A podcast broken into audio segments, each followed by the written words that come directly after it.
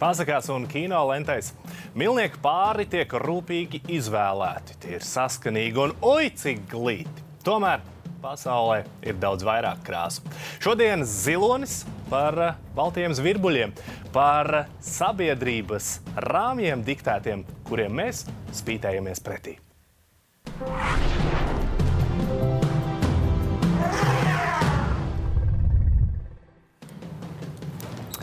Šodien par šo tematu man palīdzēs runāt un saprast Aijurjana, basketbolista, sieva un mamma, kā arī Attis Zviedris, mūziķis, vīrs un daudz bērnu tēvs. Un runājot par šo tēmu, mums raidījuma iedvesma ir bijusi tieši jūsu skatītāji. Jo pēc raidījuma otrās sezonas mēs saņēmām vēstuli no mūsu skatītājas Žanetes, kur rakstīja mums tā, kā atrast partneri, ja neatbilsti sabiedrības standartiem. Un kāpēc arī jūs šeit esat? Jo kas tad ir tie standarti? Tie visticamāk, un bieži vien ir tas vidējais, tas vidējais aritmētiskais. Un varbūt tā nav, un varbūt jūs un mēs nonāksim pilnīgi pretējās domās. Bet, ja mēs skatāmies uz to vidējo statistisko, tad 2019. gada pētījums apstiprina, ka Latvijas iedzīvotāji vidēja auguma garuma ziņā ierindojas otrajā vietā pasaulē, atpaliekot tikai no Nīderlandes. Tātad vidējais augums mums ir 175,61 cm, vīriešu vidējais augums 181 cm, sieviešu vidējais 100 cm. 169. Atis, sākšu ar tevi. Te nu mēs esam, kur jau pirmā pretruna jau ir. Bet... Kaut gan, ja mēs sareiķinātu mūsu augumus kopā un sadalītu ar divi, Varbūt tas ir 75 arī sanāk. Nu, tad mēramies. Mēram, nu, pamēram. Mēramies, Ati. Tas ir 1,90 m. 1,90 m. Ai, ir 1,90 m. Bez diviem 1,70 m. Metrs 68. Jā. Jā. Un es spītīgi un turpinu nepirkt uh, kurpes ar lielāko, pa, lielāku papēdi. Augstāk. Kāpēc? Tāpēc, ka mugurai neforši ir. Bet es mēģināju. Es esmu mēģinājis. Un man skatuves kurpes, divas, man ir vairākas skatuves kurpes. Un viens no kurpēm man ir ar tādu cietāku, augstāku papēdi.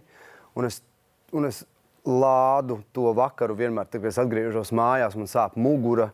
Un, un, un tā, bet, uh, nu, bet tu esi mēģinājis. Es pārsniedzu 1,70 m. Bet tu esi mēģinājis, tāpēc, ka tu gribi pārsniegt to 1,70 m. Kāpēc tev vispār bija tāda vēl? Nē, tādēļ, ka tās bija tādas kurpes, kas man šķita tajā brīdī, kad.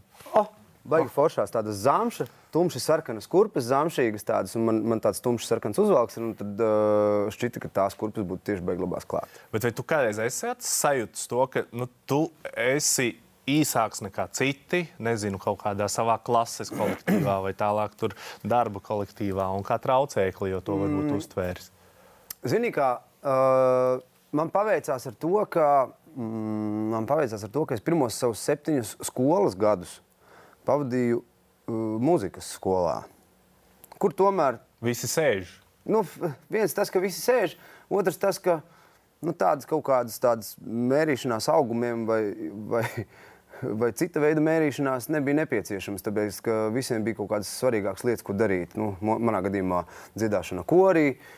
Klavieru spēle, mūzikas apgūšana un tā tālāk. Tā joprojām. un mēs klasē bijām tikai čaļi. Pirmos piecus gadus, ja nemaldos. Tostarp Jānis Čepkevics, kurš par mani ir garāks, mm. nu, un pārējie visi, kas par mani ir garāki. Bet Uh, Emīļa Dārziņa mūzikas skola un tostarp arī Rīgas doma kora skola. Abas divas ir ļoti prasmīgi basketbolisti. Jo mūziķi ļoti daudz spēlē basketbolu, un tostarp arī es spēlēju basketbolu. Mm -hmm. Neticēsiet, centra pozīcijā, ne taču, protams. Uh, saspēles vadītāja pozīcijā, un tas man toreiz bija tāds uh, iekšējs spīts, jo es esmu neliela auguma, un man bija iekšējs spīts, ka nu, man ir vienkārši jāspēlē labāk par tiem visiem garajiem. Un īstenībā man tīri labi izdevās. Nu, labi, nu, ko... Un vēlāk vidusskolā man pat izdevās aizsniegt stīpu ar pirkstu galiņiem pašiem. Tik tālu es to atspēru biju uztrenējis, ka es pat dabūju to stīpu aizskāru un strīdbolu grozā, kurš bija pa pāris centimetriem zemāks. Tur es varēju tenis bumbiņu arī ielikt no augšas. Tā kā nelielie cilvēki var izdarīt lielu cilvēku lietas noteikti. Nē, tev droši vien basketbola laukums bija tā vieta, kur tu jūties tieši ļoti labi, jo tas augums atbild tam, ko prasa basketbols. Mm. Tev nebija jāspītējas. Jā, bet uh, es basketbolu sāku spēlēt ļoti vēlu, 12 gados. Kas priekš uh, nu, sporta uzsākšanas ir diezgan vēlu. Un, uh, es pirms tam pirmos piecus gadus arī uh, dziedāju korī. Un uh, ar tādām lietām nodarbojos. Tad vienkārši draugs neaizgāja līdz basketbolam iepatikās. Un tur es sevi arī redzēju vairāk. Bet, nu, viss... Cik 12 gadu vecumā tu biji izteikti garāka nekā citas tavas Jā, vienaudas? es esmu bijusi jau kopš bērnu dienām, jau kopš pirmās klases. Es biju vienmēr pati garākā, vienmēr uz uh, visām sporta pasākumiem, sacensībām. Uh, man paņēma pat līdzi džeku komandā, un tad es uh, vienmēr esmu bijusi sportā un vienmēr garākā. Līdz džeki mani pārauga kaut kādā 8. un 9. klasē. Kur vienā brīdī tas notiek? Nu, jums arī droši vien, tu teici, septiņi gadi, jūs tur bijāt, tur arī džeki, tur mācījāties, bet, nu, tad, kad tie čaļi sāk pāraugt, tad jau veidojas arī šīs kaut kādas attiecības, interesi par pretējo dzīmumu, un tad varbūt tu sāc arī daudz vairāk domāt par to savu ķermeni. Es nezinu, meitenēm es patiku, man tā likās. Bet, uh, Bet, ja man būtu jāuzrunā, ja man iepatiktos AIA, kas, kas nebūtu izslēgts, varbūt tajā laikā, es domāju, AIA man atšūta diezgan, diezgan ātri. Es pieļauju, Kāpēc? Ka, nu, tieši, tieši tādēļ, ka AIA, un viņi man paiet garām, viņi neredz. Nepam, vienkārši nepamana. Nu, jo 20 centimetri tas ir tieši galvas tiesa un drusku vēl. Un kakls plus galva. Ja es drīkst piebilst, man ir šeit tā gadījies, kad es eju. Un nu, es vienkārši skatos tajā savā acu līmenī un nākās uzskriet kādam, kādam mazliet īsākam. Mana mamīte. Tas tā neapzinās. Mana mīļā mamīte ir 1,55 m, 57 kaut kas tāds. un viņa tagad izkāpa ārā no tramvaja. Sen, sen viņa stāstīšu to. Sen, sen atpakaļ izkāpa ārā no tramvaja. Viņa saka, un es tagad eju, un man sieviešu somiņa šitien nu, tā gar ausi. Uljāna Simjonova iet. Viņa taču nekad neieraudzītu manu mammu. Viņas nevarētu iepazīties, viņas nevarētu kļūt par draudzenēm. bet, eh, kāpēc arī atver to pieminēt? Nu, labi, viens ir paiet garām, bet tas sabiedrības tāds uzskats un, un pieņēmums vīrietim jābūt garākam par sievieti attiecībās nezinu, vai skaists bildes sanāk, vai vīrietim ir jātur rokās, vai kaut kas tāds. Un sabiedrība tam pievērš uzmanību. Un arī Holivudā diezgan daudz tādas piemēras mēs redzam. Viens no spilgtākajiem piemēriem ir uh, komiķis Kevins Hārts, kurš uh, ir īsāks par savu sievu. Kevinam ir 1,57 m, sieva ir 1,68 m.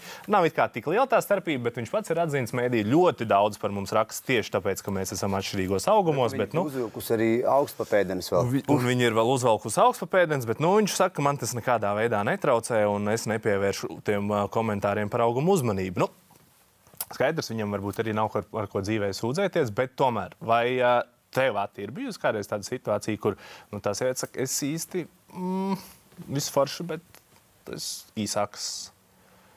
Man kaut kā laikam nav bijusi tāda mm, vilkme uzrunāt vienkārši sievieti, kas ir garāka par mani.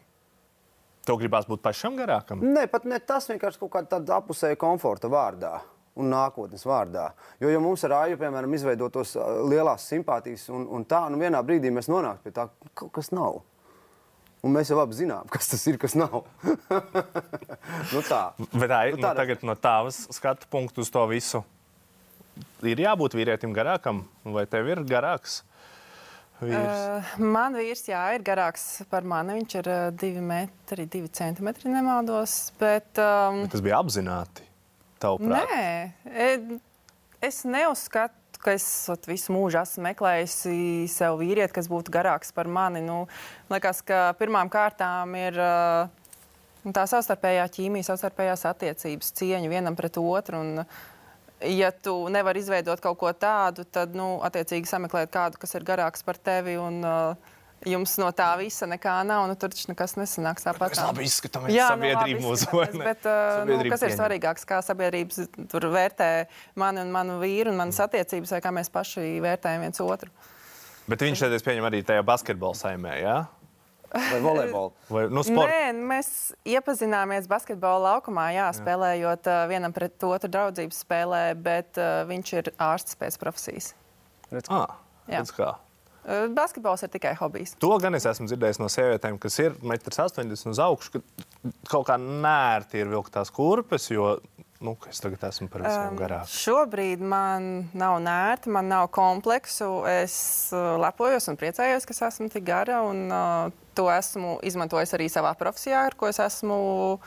Uh, guvis labas emocijas, un tas ir bijis mans darbs. Protams, kad es biju jaunāka un tādā tīņu vecumā, man bija kompleksa, jā, kad es esmu tik gara. Un, protams, skolā tur bija kaut, kādas, kaut kāda izteikuma, kaut kā tā, bet man tas īsti nekad nav aizskārs. Es ar laiku esmu iemācījusies to pieņemt un izmantot to visu savā labā. Un, tas prasa laiku, vai ne? Jā, viennozīmīgi. Jā.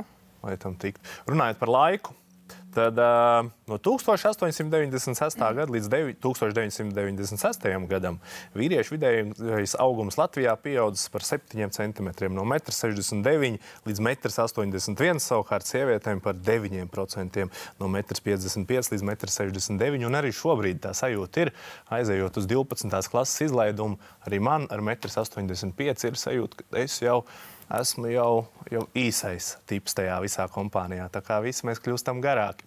Bet tas, kas nemainās, reklāmas pauze. Mēs tiekamies pēc brīža un turpināsim sarunu.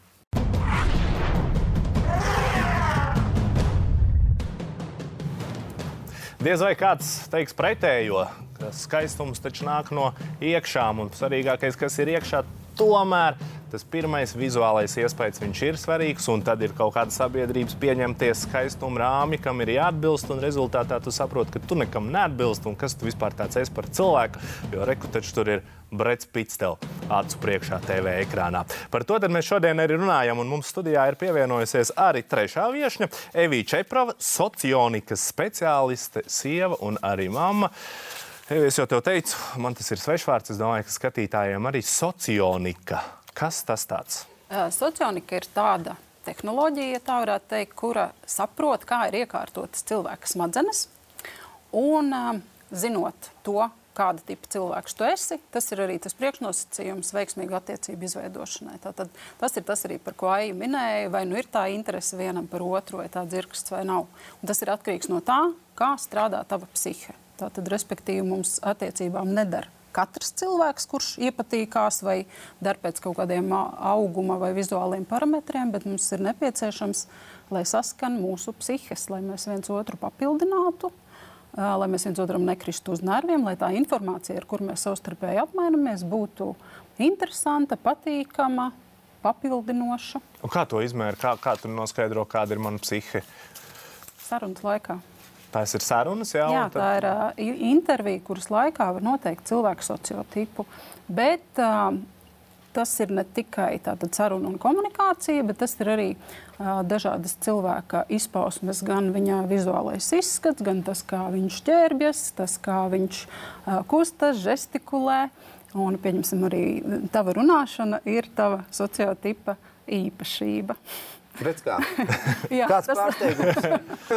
Bet tas izskats, tur tomēr kaut kur tajā manā psihē var būt vēlme apzināt vai neapzināt, ka ir kaut kas, ko es konkrēti gribu redzēt sev blakus. Uh, Ziniet, tajā mēs ļoti maz īstenībā ieklausāmies. Mēs ļoti vadāmies pēc sabiedrības stereotipiem. Un tas vienmēr ir kā tāds beigais tāds zvaniņš vai tāds lukturis, kas varbūt tām neļauj noticēt tām savām īstajām sajūtām, ko es īstenībā gribu. Ja kāds cilvēks man patiesībā patīk. Un mēs ļoti vadāmies pēc tā, kā ko citi par to teiks. Diemžēl tāds ir. Sludinājumos, ja mēs ejam, tad mēs redzam, es tur gribu vīrietī 1,90 m, brūnas acis. Nu, nevis lai viņš citētu Blaumani, nu, tas parasti tā kā netiek prasīts. Ne? Nē, zini, kā prasa arī to, bet uh, cilvēki jau nezina, kādas prasības tam otram izvirzīt. Tās ir acīm redzamākās prasības, ko mēs varam pret cilvēku. Nu, kā, ja tu ieej tajā pašā Tinderī vai otrā pusē, vai vienalga, kur, nu, tev tur ir. Uh, lodziņi, kur ir jāaizpilda. Ja? Nav jau citu variantu. Tev nav iespēja pateikt, es gribu satikt cilvēku, kurš būs mans tur, dvēseles radinieks, vai kurš man radīs tādas un tādas sajūtas. Šitā jau nav. Tur jau ir uh, horoskops, uh, augums, matu krāsa un tam līdzīgas lietas. Tā, kā, nu, tā tas vienkārši ir iegājies, un cilvēki to ir savā ziņā pieņēmuši. Kā, À, nu, ja reiz viņi tā saka, nu, tā, tad droši vien tā ir pareizā pieeja. Bet tā jau vai tev ir bijis kādreiz nu, tāda situācija, kur tu saki, fantastisks cilvēks. Mēs kopā varētu iet uz teātri, bet uh, 1,90 m tu esi krietni garāk par mani. Um, nē, nu, kā jau teicu, nu, viss ir forši un mēs kopā varētu iet uz teātri. Mm. Nu, tas arī viss, tad mēs ejam uz teātri kopā. nu, tas tā, nu, ne jau ar visiem uh, cilvēkiem izveidojās. Uh, tāda saikne, ko tu redzi, ka tev būs tur intīmas attiecības, un tu būsi kopā un redzi, kā vīru vai sievu. Nu, ir cilvēki, man šķiet, ka ir uh, cilvēki, ar kuriem veidojas tādas attiecības, ar ko tu liekas, var runāt par visu, un jums ir daudz kopīgas intereses. Un, uh, nu, tā, tāda emocionālā saikne, bet nu, tas, tas arī kaut kā tur apstājās. Es nezinu, nu, kaut kāds uh, vizuālais tēls pat līdz tam nenotiek. Vienkārši ir tik laba komunikācija, ka tu viņu redz kā ļoti labu draugu. Piemēram. Ati, ja tu tagad liktu iekšā Tinderī sevi, tad rakstītu savu augumu klāt, cik tu esi garš. Vai tu liktu bildi tajās augstpapēžu kurpēs? Tu man tagad uzdevi tādu jautājumu cilvēkam, kuram uh, es esmu anti-sociālo tīklu. nu, es lietoju sociālo tīklu, cik man profesija to, mm. to mūsdienās vienkārši pieprasa. Uh, Bet uh, man aizvien biežāk, jo dienas, jo biežāk man ir tā doma, ka mums vajadzētu visiem tos glādāmos tālruņus vienkārši likvidēt un atdot visiem atpakaļ Nokia. Kā tu nomedz uz zemes savu Nokia telefonu? 3, 3, un nebija žēl. Eh, un iedot visiem Nokia 3310 un pateikt, ja tu gribi iepazīties, nu lūdzu aizēj rekur uz klubu padējot, vai aizēj uz sporta zāli un saskaties, vai aizēj uz ielas vai veikalā pieeja klāt un pasaka, tu esi simpātisks, skaists un es gribu ar tevi, nu, meklēt to ķīmiju tādā veidā. Sāksim ar to, ka es Tinderī es vienkārši ne, neuzinstalētu nekādu savu šādu aplikāciju vispār. Nu, ja man būtu jāraksta, es iespējams arī rakstītu tur savus auguma parametrus un vēl kaut ko citu. Bet, uh, bet kopumā es, es, es esmu laikam tas vēl old schoolais, riktīgi džeks, kurš, kurš pieies klāt meitenēm, pateiks, tu esi skaista meitene, un es gribu ar tevi aiziet uz randiņu, vai es ar mieru. Un tad viņi arī redz, vai ne? Jā, vai, vai jā. tu esi pietiekami. Es gribēju, es gribēju Evijai pajautāt, vai tā ir taisnība, tagad mēs, mēs oficiāli televīzijā apstiprināsim šo te, jā? Vienreiz, pa visiem laikiem. Pretpoli pievelkas? Viņiem vajadzētu pievilkties, bet viņi nepievelkas. Nu, redz. Kāpēc viņiem vajadzētu? Tāpēc, ka tā ir fizika, paredz to, mēs runājam par magnētiku. Socionika paredz, ka sadarīgas attiecības veidojas cilvēkiem, kuri papildina viens otru. Viņi ir sadarīgs, papildinošs pretstats. Bet mēs viņus ļoti reti izvēlamies. Mēs tos cilvēkus tā kā pa gabalu redzam, un mums viņš liekas, nu nē, ne jau ar šito. Mēs viņu nepielaižam sev tuvāk, lai sajustu to, cik tās attiecības īstenībā ir patīkamas. Mhm. Tas droši vien ir papildus darbs. Mm, nu, protams, ne? Pieslīpēties protams. vienam otram. Protams, tas arī ir jāņem vērā, bet ko es gribēju teikt par to, ka tu saki, visiem vajag iet dzīvē, iepazīties. Visi nemaz nevar.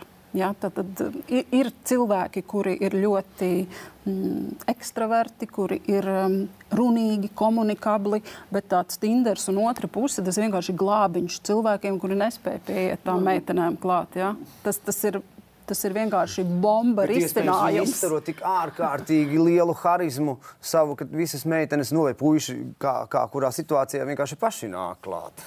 Tā taču arī var būt. Tā nenotiek. At. Būsim godīgi, mēs Labi. visi esam. Ir vēl viens scenārijs. Ir vēl viens scenārijs. Mēs zinām, ka tā tās lietas nenotiek. Ir vēl viens scenārijs, kas, eh, ko mēs izmantojam ar mani ģitāristu no grupas, eh, kad mēs vēl bijām eh, brīvi puikas ap divu. Mēs vingojām meitenes viens otram. Jā, bet viņš arī ģitārists atkal. Nē, nē, bet tur, bet tur varētu. Es teiksim, es, es, es teiksim, ārkārtīgi, nu, ekspres, ko, ārkārtīgi komunikabls cilvēks. Man nevar aizvērt. Bet... Jā, man austiņā to arī saka. Jā, bet, Bet savukārt Jānis, ģitāris, viņš ir atkal tāds ļoti introverts cilvēks. Un, uh, tad, piemēram, man priekš viņa bija ļoti viegli sarunāt ar kādu meiteni, satikties, tāpēc, ka es aizgāju viņai aizrunāju ausis riktīgi, un es viņai pateicu, kurš ir mans draugs Jānis. Nu tā. Par randiņiem runājot, mums uh, ir kāds piemērs, mēs uzrunājām jauno aktieri un dejotāju Artūru Muskaru, kurš slimo ar ādas slimību, un viņam dzīves laikā nācies saskarties ar dažādiem komentāriem, gan draugu lokā, gan arī veidojot attiecības. Mana ķermeņa īpatnība ir slimība vitiligo, ka man āda ir divās krāsās. Ar šo es saskāros 3. vai 4. klasē, kad bērni vēl ir jauni un īsti neinteresē romantiskas attiecības, drīzāk draudzīgas. Bija pāris klases biedri, kas, protams, man uzreiz sauc par dalmācieti, un ar to bija jātiek uzreiz galā. Samierinājos, eh, jo zinu, ka cilvēki 20, 30 gados, kad saslimst ar šo vitiligo, viņiem ir daudz sarežģītāk eh, pieņemt sevi atkal tādu, kāds tu esi. Un eh, randiņos par laimi man ir divi atgadījumi. Ir viens trešais randiņš, kurā mēs tikāmies. Un pirms tā trešā randiņa draudzens draudzene pajautā viņai, kas viņam ir ar ādu. Un tad randiņa laikā meitene tā pajautā ļoti bailīgi, kas tev ir ar ādu noticis. Un tajā mirklī es atveros kā grāmatu un stāstu visu, ko es zinu. Lai nomierinātu un pastāstītu, kāds sākās un vai ir kādi risinājumi. Uh, smagākā situācija bija viens randiņš, kurā tika uzreiz pamanīt uh, tas vitiligo, un jautājums bija, vai tas ir lipīgs. Tas, laikam, ir vissāpīgākais bijis tāds. Vienā pozitīvas festivālā arī mani tāda draugu kompānija pateica, lūdzu, netuvojieties, baidamies, ka tas ir uh, lipīgs. Tas ir bijis smagi, bet arī laikam ejot, to, to saprotīju ka cilvēku nezināšanas dēļ tas ir bijis tāds izteikums. Mēs atkal dzirdam šo vārdu laikam ejot, un uh, tā, tā ir tāda sevis pieņemšana. Uh, nu, Jo tad, kad man šeit tevi atgrūž, un vienalga tas iemesls, un mēs visi esam redzējuši skolā cilvēkam, kurim brilles, viņš tiek saukts vārdos, cilvēkam, kurš ir nedaudz resnāks nekā citi, viņš tiek saukts vārdos. Un tad man šeit tu sāc uzdot sev jautājumus, kas tāds esmu, kāpēc es esmu atšķirīgs. Sāk parādīties kaut kādas domas par neglītumu, un ar ko Amerikas diskusijas aitā ierakstot vārdus, es esmu neglīts, mēs atrodam pat tādus jautājumus, kā vai tas ir egoistiski mirt, jo esmu neglīts, kā lai atrodu partneri, ja esmu tik neglīts, esmu depresijā. Es esmu tik neglīts, ka saprotu, ka man nekad neviens nemīlēs. Es esmu tik neglīts, ka vienkārši nekam nav jēgas. Es vienkārši gribu nomirt. Uh, Kā tikt galā ar to? Nu, kā sevi pārliecināt par kaut ko pretējo, ka tikai tāpēc, ka tu varbūt esi garāks, īsāks vai kaut kas, tu neesi neglīts, tas vienkārši tu esi. Mērķis dzīvē. Man tas bijis vienmēr tāds. Es eju visu savu dzīvi, eju uz kaut kādu vienu mērķi. Es vēl aizvien šo mērķi nesmu sasniedzis, un es vēl aizvien uz viņu eju. Neskatoties to, kas es esmu, kāpēc es esmu, uh, cik garš kāds drēbes un mugurā tā tā, ka vienalga. Es vienkārši eju uz savu mērķi. Ja tev ir mērķis, tad viss pārējais apkārt ir tāds fons. Un tad, kad ienāk iekšā mīlestība, tu pat īstenībā viņu uzreiz pat nepamani, ka tā mīlestība ienāca iekšā. Pēkšņi man arī tur, ah, Un tagad es iemīlējies, un tagad mēs jau esam kopā, un, ba, ba, ba, un tagad mums ir divi bērni, un forši mums ir ģimene. Nu tā. Man tas bija ātri šoreiz. Jā, es pilnībā piekrītu par to, ka nu, galvenais ir šeit pašam sevi pieņemt, pašam sevi izprast, iemīlēt un nostādīt savu mērķi, kur tu reāli virzies uz priekšu, un tos pārējos kaut kādus uzskatus vai kaut kādus apvainojumus, tu viņus tā kā laid gar ausi. Nu, tevi tādas lietas nespēja ietekmēt, tu virzies uz savu mērķi, dzīvo to savu dzīvi, tur ir kaut kādas lietas, ko tu gribi izdarīt. Un, uh, Mm. Jo, ja netiek tas laists garaus un tas uzkrājās, tad tie piemēri ir šausmīgi. Un arī te mēs varam atrast neskaitāmus. Lūk, viens 13 gadus vecā Rozālija Kalifornijā. Viņa izdarīja pašnāvību pēc tam, kad ilgu laiku tika skolā mobbingot, saukta par neglītu savā atvadzīmītē. Vecākiem Rozālija atvainojusies par to, ka bijusi neglīta un aizliegus bērnu ceremonijā rādīt pat savas fotogrāfijas. Jo tik ļoti viņai tas viss tika uzspiests. Bet tev ir nākuši cilvēki un teikuši, es esmu tik neglīts, ka tu noteikti nespēji atrast neko, kas man varētu palīdzēt. Zini, kā godīgi sakot, man ir bijis pat otrādi, kad es sēžu un skatos uz cilvēku un domāju, ka nu, šis nav skaistākais cilvēks pasaulē, bet viņš par sevi ir absolūti labās domās. Un, un tas man ir bijis pārsteigums. Tā nav bijis, ka kāds nāk un saka, ka viņš ir ārkārtīgi neglīts vai ārkārtīgi resns vai pārāk garš vai kaut kāds tāds. Ar to es neesmu saskārusies, bet ko es gribēju teikt, papildinot pie iepriekšējās lietas, ka um, mēs neesam viens karotājs. Ja? Mēs nevaram uh, es tagad strādāšu ar sevi, es saņemšos, es sev noticēšu. Mēs nevaram aizmirst, ka mēs dzīvojam sabiedrībā. Mēs visi esam sociāls būtnes, mēs esam atkarīgi no citiem cilvēkiem, mēs esam saistīti ar viņu viedokļiem. Un tas risinājums būtu tāds, ka mums tā vide tomēr ir kaut kā jācenšas pamainīt. Mums ir jācenšas izlausties no tās savas mazās pasaulītes, kur es tā jūtos, un nokļūt kaut kādā citā vidē, kur ir kaut viens cilvēks, kuram es patīku, uh, kuru es sajūsminu, kuram es daru tie, tieši tāds, kāds es esmu, un tas izmaina pasauli vienkārši radikāli. Mēs esam saistīti ar citiem cilvēkiem. Un, Tas ir baigi grūti vienam pašam cīnīties, un tagad uh, meditēt, un nezinu, vai lūgties, vai ko, un, un rast sevī to spēku un ticību. spēku vajag tam, lai izlaustos no tās sabiedrības, kurā tu tā jūties. Jo visur tā nebūs. Vai būtu nepieciešams arī nezinu, vairāk rādīt dažādākus cilvēkus tajā pašai televīzijai, vai mēs varam mest akmeni dārziņā un teikt, te jums ir viens standarts? Man jau liekas, ka tas arī notiek, un tas arī ir tā labā, gaišā un foršā lieta ka šis laikmets, kurā mēs dzīvojam, viņš paliek aizvien iecietīgāks, tolerantāks, saprotošāks. Mēs skaidrojam, mēs runājam par to, un, un tas ir baigi forši. Jo es jau nevaru teikt, ka es esmu tāds absolūti bezaizsprieduma cilvēks. Galīgi nē, bet jo vairāk tu iedziļinies kaut kādā jautājumā, jo tu viņu labāk saproti, Mēs jau baidāmies no nezināmā. Tā kā kādreiz cilvēki no pērkons un zibens baidījās, vai ne? Tāpat arī tagad no citiem cilvēkiem. Bet, jo mēs vairāk par viņiem zinām un saprotam, jo man liekas, mēs esam pieņemošāki. Mums ir vēl kāds video komentārs no kādas aizstāvus kolēģis, basketbolists, kur arī 1,90 m. Tā ir. Un, Viņa pastāstīs, kā viņa to ir izjutusi savas dzīves laikā, šo savu 1,90 m. Es esmu 1,90 m gara. Varbūt man to dzīvi pišķiņā atvieglojis, vai kaut kādā veidā tas, ka es esmu spēlējis basketbolu, es vienmēr esmu uzturējies ar tādiem garākiem cilvēkiem. Uh, bet jau 13 gadu vecumā es jau biju 1,88 m. Un uh, es uzskatu, ka tajā brīdī man bija grūtības iekļauties ar saviem vienaudžiem. Es mēģināju dejot darīt visādas citas aktivitātes. Un, uh, es ne, varbūt man nepadevās, varbūt es nebiju tik koordinēta ķermenī, un uh, varbūt kaut kādā ziņā es ļoti izcēlos starp uh, visādām kompozīcijām vai kaut ko, ko vajadzēja, un tāpēc es varbūt jūtos netik ērti. Bet uh, es tajā pašā laikā arī spēlēju basketbolu, un tā kā man atsvēra bišķiņ to, ka es varbūt biju tik gara uh, kaut kādā vienā vietā, jo otrā tas bija tā kā plus. Nu, te mēs zinām, ir vieta, kur Un tautdejas ir tāda vieta, kur bieži vien tur redz, ka ir tas viens garais pāris salikts kopā, jo taču nevar likt tos dažādos, dažādos augumus, un basketbolā savukārt jūties kā zivs ūdenī. Vai tev jau teica agri jau, tad, kad tu arī dziedāji, ko arī teica, nu, tev balss ir fantastisks, bet dzirdi bumbu blakus spēlē. Man šķiet, ka tev vajadzētu turiet. Um, Nē, man balss nebija fantastisks. Es vienmēr stāvēju. Man lika tā kā tieši tā. Uh, lika mani kaut kur otrajās rindās, kaut kur stūros tā, lai. Nu, bet es vairāk uh, muti plātīju līdzi, un uh, es tur tajā korī biju tikai tāpēc, ka man tur bija kaut kāds draugs, un vajadzēja kaut ko tur darīt. Kāpēc nedziedāt korī?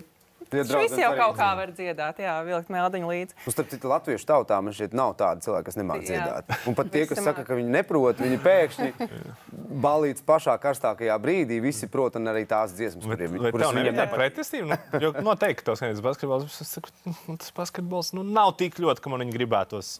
Spēlēt. Nē, man kaut kā mm, jau no paša sākuma iepatikās un aizgāja. Un es tiešām jutos labi un man padevās. Un, uh, treneri man uzslavēja, un es arvien sāku spēlēt augstākā un augstākā līmenī un labāk. Un, uh, es kļuvu pašpārliecinātāka. Es biju vidē, kur es uh, jutos droši, atbalstīta, motivēta, līdz ar to tas basketbols tiešām man palīdzēja. Um, Atviens tavs kolēģis Artis Dvarjonas 1,55 m. Metrs, mums man ir atzīmēts 1,59 m. Ah, jā? jā, kādreiz bija 1,55 m. Kaut kas tādām augstajām kurpēm. Kaut, kaut kas bija, varbūt viņš ir tām augstajām kurpēm. Bet viņš kādā intervijā teica par uh, skatuves gaitām un nelielu augumu, ka viņš to uztver kā plusu, jo viņš kā mūziķis varot piesaistīt uzmanību ne tikai ar savu repertuāru, bet arī ar atšķirīgo izskatu. Vai tā ir uz skatuves? Tu šobrīd jautājumu, šo jautājumu konkrēti to prasi kādam, kurš šogad izpilda Lāčplēšu lomu, titulu lomu rokoperā. Jā, kur arī castingā, vai ne? Tev uzdeva jautājumu. Fantastiski. Ne castinga bet... mums īsti nebija. Zigmaram Liepiņam es saku paldies par to, ka viņš ir izvēlējies mani aklajā režīmā, dzirdot tikai manu balsi un ar, ar maniem auguma parametriem un manu kolēģu saskanību uz skatuves bija jātiek galā reizē Kalniņai pēc tam. Viņi ir garāki Bet, par tevi. Uh, nu, faktiski visi mani skatuves kolēģi vienmēr atskaitot Arti Dvarjonas ir garāki par mani. Viņš ir vienīgais cilvēks, kas pasaules starp citu ir bijis.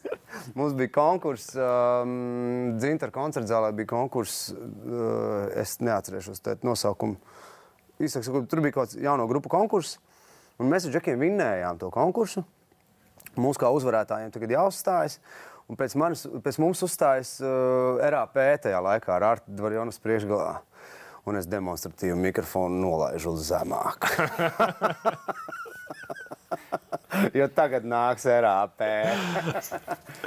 Bet zini, kas ir man šeit tāda viena no lielajām priekšrocībām neliela auguma cilvēkam, jo sevišķi kā uh, frontmenam, kā dziedātājam, mm, mēs lēnāk piekūstam. Mm. Jo mums nav tāda masa jānes uz, uz kājām. Mums arī nav uh, tādas traumas izteiktas, kā piemēram mēs redzam šobrīd no nu, Kristapam, Jā, Porziņģim un, un citiem garā auguma cilvēkiem ceļi. Mugura tomēr no nu, laiku tas viss, viņš jau sevišķi profesionālā sportā nāk, nāk gaismā diezgan. Tev vienkārši, ja tu krīti, tad tev nav tik tālu jākrīt. Arī, arī, jā, es arī, ja, ja es gāžos, tad es drīzāk ripoju.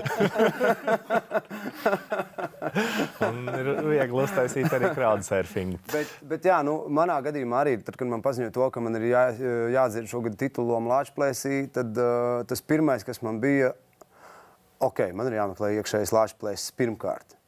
Nu, kas es esmu kā jā. cilvēks, kā Lāčplēsis, kā personība jo auguma parametros es noteikti neatbilstu neviena cilvēka kaut kādam. Jā, mums ir spēku standarts, slāņplēs. Jo, jo ne? visi tomēr redz to mm. džeku ar lielo zobenu un vairogu, un viņš rauj rīkli lāčplēsim un glābi savu braču kangaru no, no lāča. Ja. Nu, nu tā. Bet tev izdevās. Man izdevās, izdevās. paldies. Un uh, tu tur to pozitīvo vilnu, un paldies tev par to. Uh, mēs tiekamies jau pēc brīža.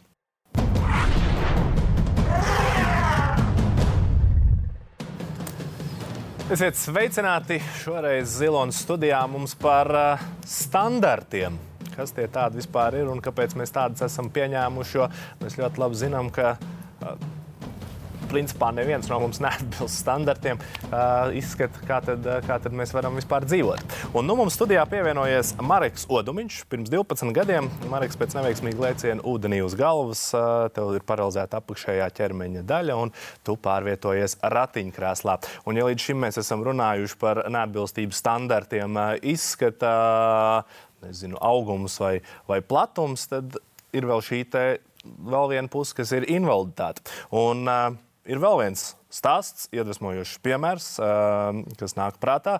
Tas ir Niks Vujčičs, kurš uh, ir bez rokām un bez kājām, bet ir laimīgi precējies, arī daudz bērnu tēvs un arī uh, brauc apkārt ar iedvesmas lekcijām un, un stāsta. Mareka, kāds ir tas tavs stāsts? Kā, jo mēs varam teikt, ka ir divi Mareki, Mareks pirms traumas un pēc traumas. Jā, viennozīmīgi. Un kā tu pats ar to tiki galā pieņemt, ka tu saproti, ka tas vairs nav tas pats, Marks, tev vairs nav tie paši dzīves apstākļi? Uh, ir ļoti grūti kaut kādā ziņā dzīvot jaunu dzīvi. Mm, sākumā bija vispār grūti iziet uz ielas, domājot to, ko citi padomās par mani. Bet ar laiku saprotu, sapratu to, ka uh, man nav jādomā to, ko citi domā. Man jādzīvo savu dzīvi, un viņi nedzīvos, viņi nenodzīvos manu dzīvi. Uh, es sāku dzīvot jaunu dzīvi, un un uh, pieņemt kaut kādas lietas, kaut kādus apstākļus. Bet uh, ratiņkrāsas kaut, kā, kaut kādā ziņā es neesmu pieņēmis vēl projām. Uh, es ticu brīnumiem, kad viss var notikties. Varbūt tas, tas ir uh, pārāk, pārāk skaļi to runāt, bet uh, es ticu brīnumiem, ka var, viss var notikties, ka var piecelties un staigāt. Tā doma tevi nepamet. Un tā, tā ir tā ir tā doma, ka, ar kuru cilvēki arī invaliditāti dzīvo? Vai tu, nu? Es nezinu, bija vai visi, bet es, es dzīvoju to tādu domu. Jā. Bet tu teici arī, nu, ka tas laiks tev gāja pieņēma, vai tev bija kāds, kas tev iedvesmoja, ko mēs redzējām ar to piemēru, kur cilvēks braukā pasaulē, vai tu komunicēji ar citiem cilvēkiem ar invaliditāti un jautāji, nu, kā, kā tu sev pieņem, kā tu eksistē? Tad, kad tu pēc kaut kādas traumas esi rehabilitācijā, tu saproti, ka tie cilvēki ir cīnītāji, ka viņi nav padevušies savā dzīvēm Protams, ir, ir, ir, ir, ir cilvēki, kuri ir mājās un kādās depresijās, un viņiem ir grūti to visu pieņemt vai dzīvot tālāk, lai arī viņiem ir ģimenes un tā tālāk, kas viņus atbalsta un neļauj padoties, bet viņi nezina izēju, viņi nezina, kā tālāk dzīvot priekšu. Man savā ziņā, jā, es, es gribēju turpināt, es gribēju iet uz priekšu, es gribēju cīnīties, es gribēju dzīvot patstāvīgi, bet neatkarīgs turpināt tālāk arī. Un, tas laikam bija mans motivācija uh, iet uz priekšu tālāk. Tu teici, ka tev bija bail no šiem citu cilvēku viedokļiem un komunikācijas. Ir kaut kādas tās bailes tev pierādījušās, no kā tev bija bail un kas tev bija jāpieņem? Man liekas, ka uh, vis, visgrūtākais cilvēkam ir uh, tad, kad viņš pieņem otru cilvēku viedokli, ja tev ir cits viedoklis, pretējais, teiksim tā. Ja tev pateiks, ka tu tur nekad neko nevarēsi izdarīt, tad tur uh, neizdosies, tu to nesasniegsi. Um, un tad cilvēks pieņem to savā sirdī, un viņš necenšas vairs neko savā dzīvē uh, neattīstīt, ne mācīties, ne strādāt, ne neko tālāk, bet uh, viņš arī paliek tajā savā, teiksim tā, tukšumā, caurumā. Um, bet tas, kas ir pateicis tieši pretējo, nē, es iešu par spīti visam, es cīnīšos, es darīšu, tas sasniegs daudz lielāks rezultāts. Un par šīm situācijām arī sasveicinoties, arī mēs sasveicinoties, tev, es saprotu, abas rokas ir. Strādā. Strādā, un mēs arī Protams. paspiedām roku. Kādas ir tās reakcijas cilvēkiem spiežot? Ai, viss dažādāks.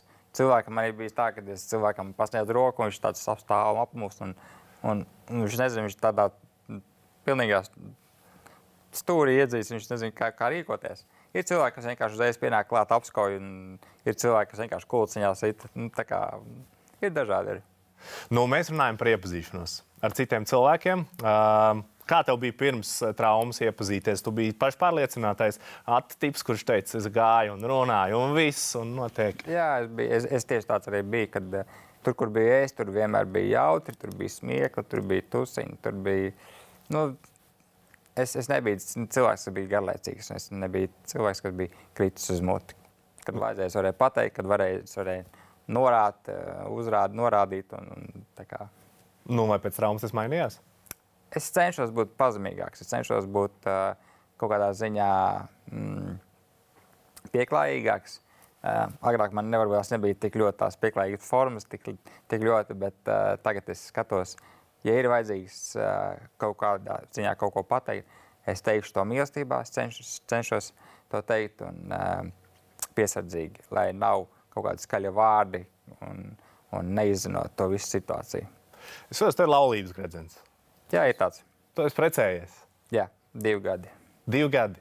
Kā notika jūsu iepazīšanās ar sievu? Um, mēs iepazināmies baznīcā. Viņi man uzaicināja uz uh, bērnu jauniešu, uh, tā, uz bāriņu svētdienu, un, kur es uh, rādīju, kā es gleznoju, uh, turot otiņu mutē. Un pēc tā kaut kā mūsu, mūsu at, saraksti turpinājās un izveidojās attiecības. Bet, uh, tā kā tā kaut kā. Bet vai nebija jautājums, viens klasiskais iepazīstoties, vai tev tur viss strādā? Nē. Tas nav bijis tāds. Tas, nu, kā, man liekas, ka tad, kad tu cilvēku mīli, tev nav svarīgi tas, kas tev ir zem, zem, zem tevis, jā, vai kas ir tavā situācijā, bet uh, tā mīlestība pieņem visu. Man liekas, tad, kad tu cilvēku gribi uh, mīlēt un dzīvot ar viņu un pavadīt visu savu mūžu kopā, tev nav, man liekas, ka tev nav svarīgi to, kāds kāds tas izskatā, kāds nezinu, tev ir kāja, roka, nav vai, ne, vai, vai tu esi ratiņkrēslā, bet patiesa mīlestība, man liekas, tas ir tāpat kā tikko Vujčiņš parādīja. Viņam nav ne kājas, ne rokas, bet arī patiesa mīlestība iestājusies, par, par ko viņš arī dalās. Hmm. Evi, iedvesmojoši. Ļoti iedvesmojoši. Un klausoties šo, es domāju par to, um, ja jau tiem standarta tipiskajiem cilvēkiem nebūtu attiecībās problēma, vai ne? Un ja jau viņiem viss tā beigas sanāktu, un viņi viegli iepazītos un dzīvotu ilgi un laimīgi, tad jau mēs skaidrs, ka varētu tās kaut kādas neveiksmes varbūt novelt uz kaut kādām tām atšķirībām vai uz kaut kādiem īpatnējiem parametriem. Bet uh, grūtības attiecībās ir pilnīgi visiem cilvēkiem. Gan viņus nodibināt, gan noturēt, gan lai viņas uzplaukst uh, daudz skaistākas. Tā, tā ir mūsu visu kopīgā problēma. Tam vispār nav nekāda sakara ne ar kādiem parametriem. Ai, kā mēs varam panākt to, lai tā sabiedrība būtu tāda pieņemošāka? Tev ir kaut kāda sajūta. Um, es domāju, šobrīd uh, ir tā, ka, nu, var runāt par sevi un cilvēks, ko es zinu, daudz cilvēku pavada uh, sociālajos tīklos, kur cilvēki ir uzbūruši to savu kaut kādu nu, perfekto pasauli. Bet tas, kā viņi droši vien dzīvo ārpus tā, viss ir pavisam savādāk. Un tās problēmas ir tieši tādas pašas kā visiem pārējiem cilvēkiem, gan attiecībās, gan sadzīvē, gan uh, kaut kādas nav pašpārliecinātība par kaut kādām lietām. Un, nu, mēs ļoti daudz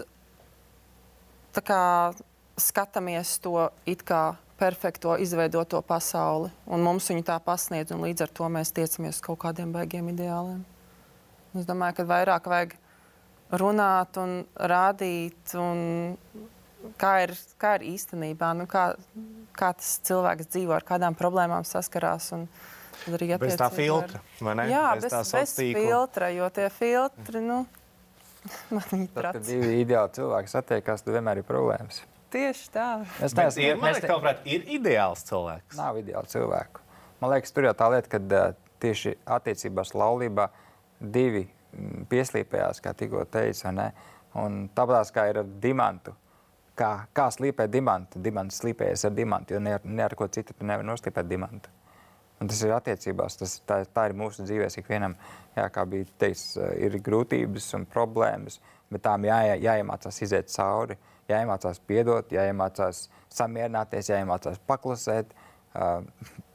Tā ir tā dzīve. Nu, tā kā nebūs tā, ka Mēs nekad nesastrīdēsimies, mēs nekad nesakašķēsimies, mēs nekad eh, nezinu, nezinu. Bet, nu, vienmēr būs kaut kādas tādas barjeras, pie kurām būs jāapsēžas un jāpasaka, nu, ko mēs tālāk darām. Un tas ir darbs. Attiecības, Protams. tas ir darbs. Uh, es šodien saku milzīgi paldies jums, raidījuma viesi, ka viesojāties, dalījāties savos pieredzes stāstos.